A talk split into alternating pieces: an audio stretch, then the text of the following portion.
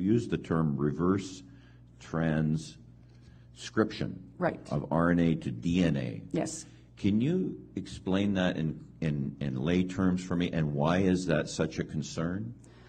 Okay, the um, normal course, the way it usually works in the cell, is you start out with the DNA, and the DNA is transcribed into messenger RNA.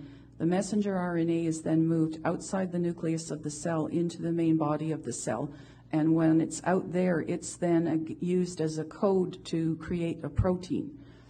Reverse transcription refers to mRNA that is in the cell body itself that then ends up being pushed back into the nucleus and then incorporated into the DNA. And uh, there are several different ways it can happen, but the normal response of the cell when hitting this piece of mRNA that's in the wrong place and isn't properly marked is to copy it and stick it into the DNA.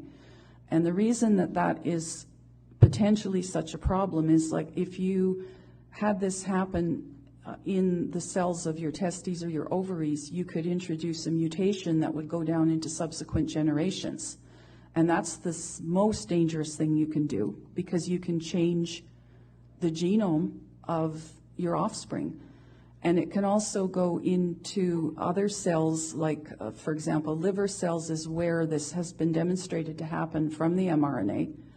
And cells that are rapidly dividing, like in a developing embryo.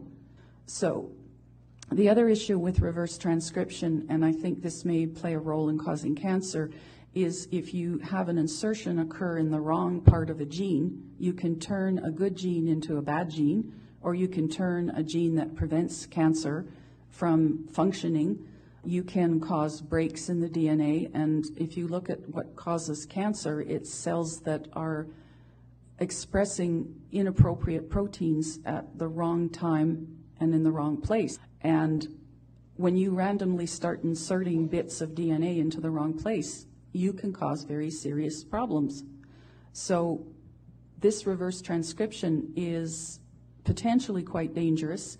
And to me, that illustrates why informed consent is so important. Because we as experts, we don't always know everything. And sometimes the gut intuition of some farm wife with a grade 10 education is better than what we experts think.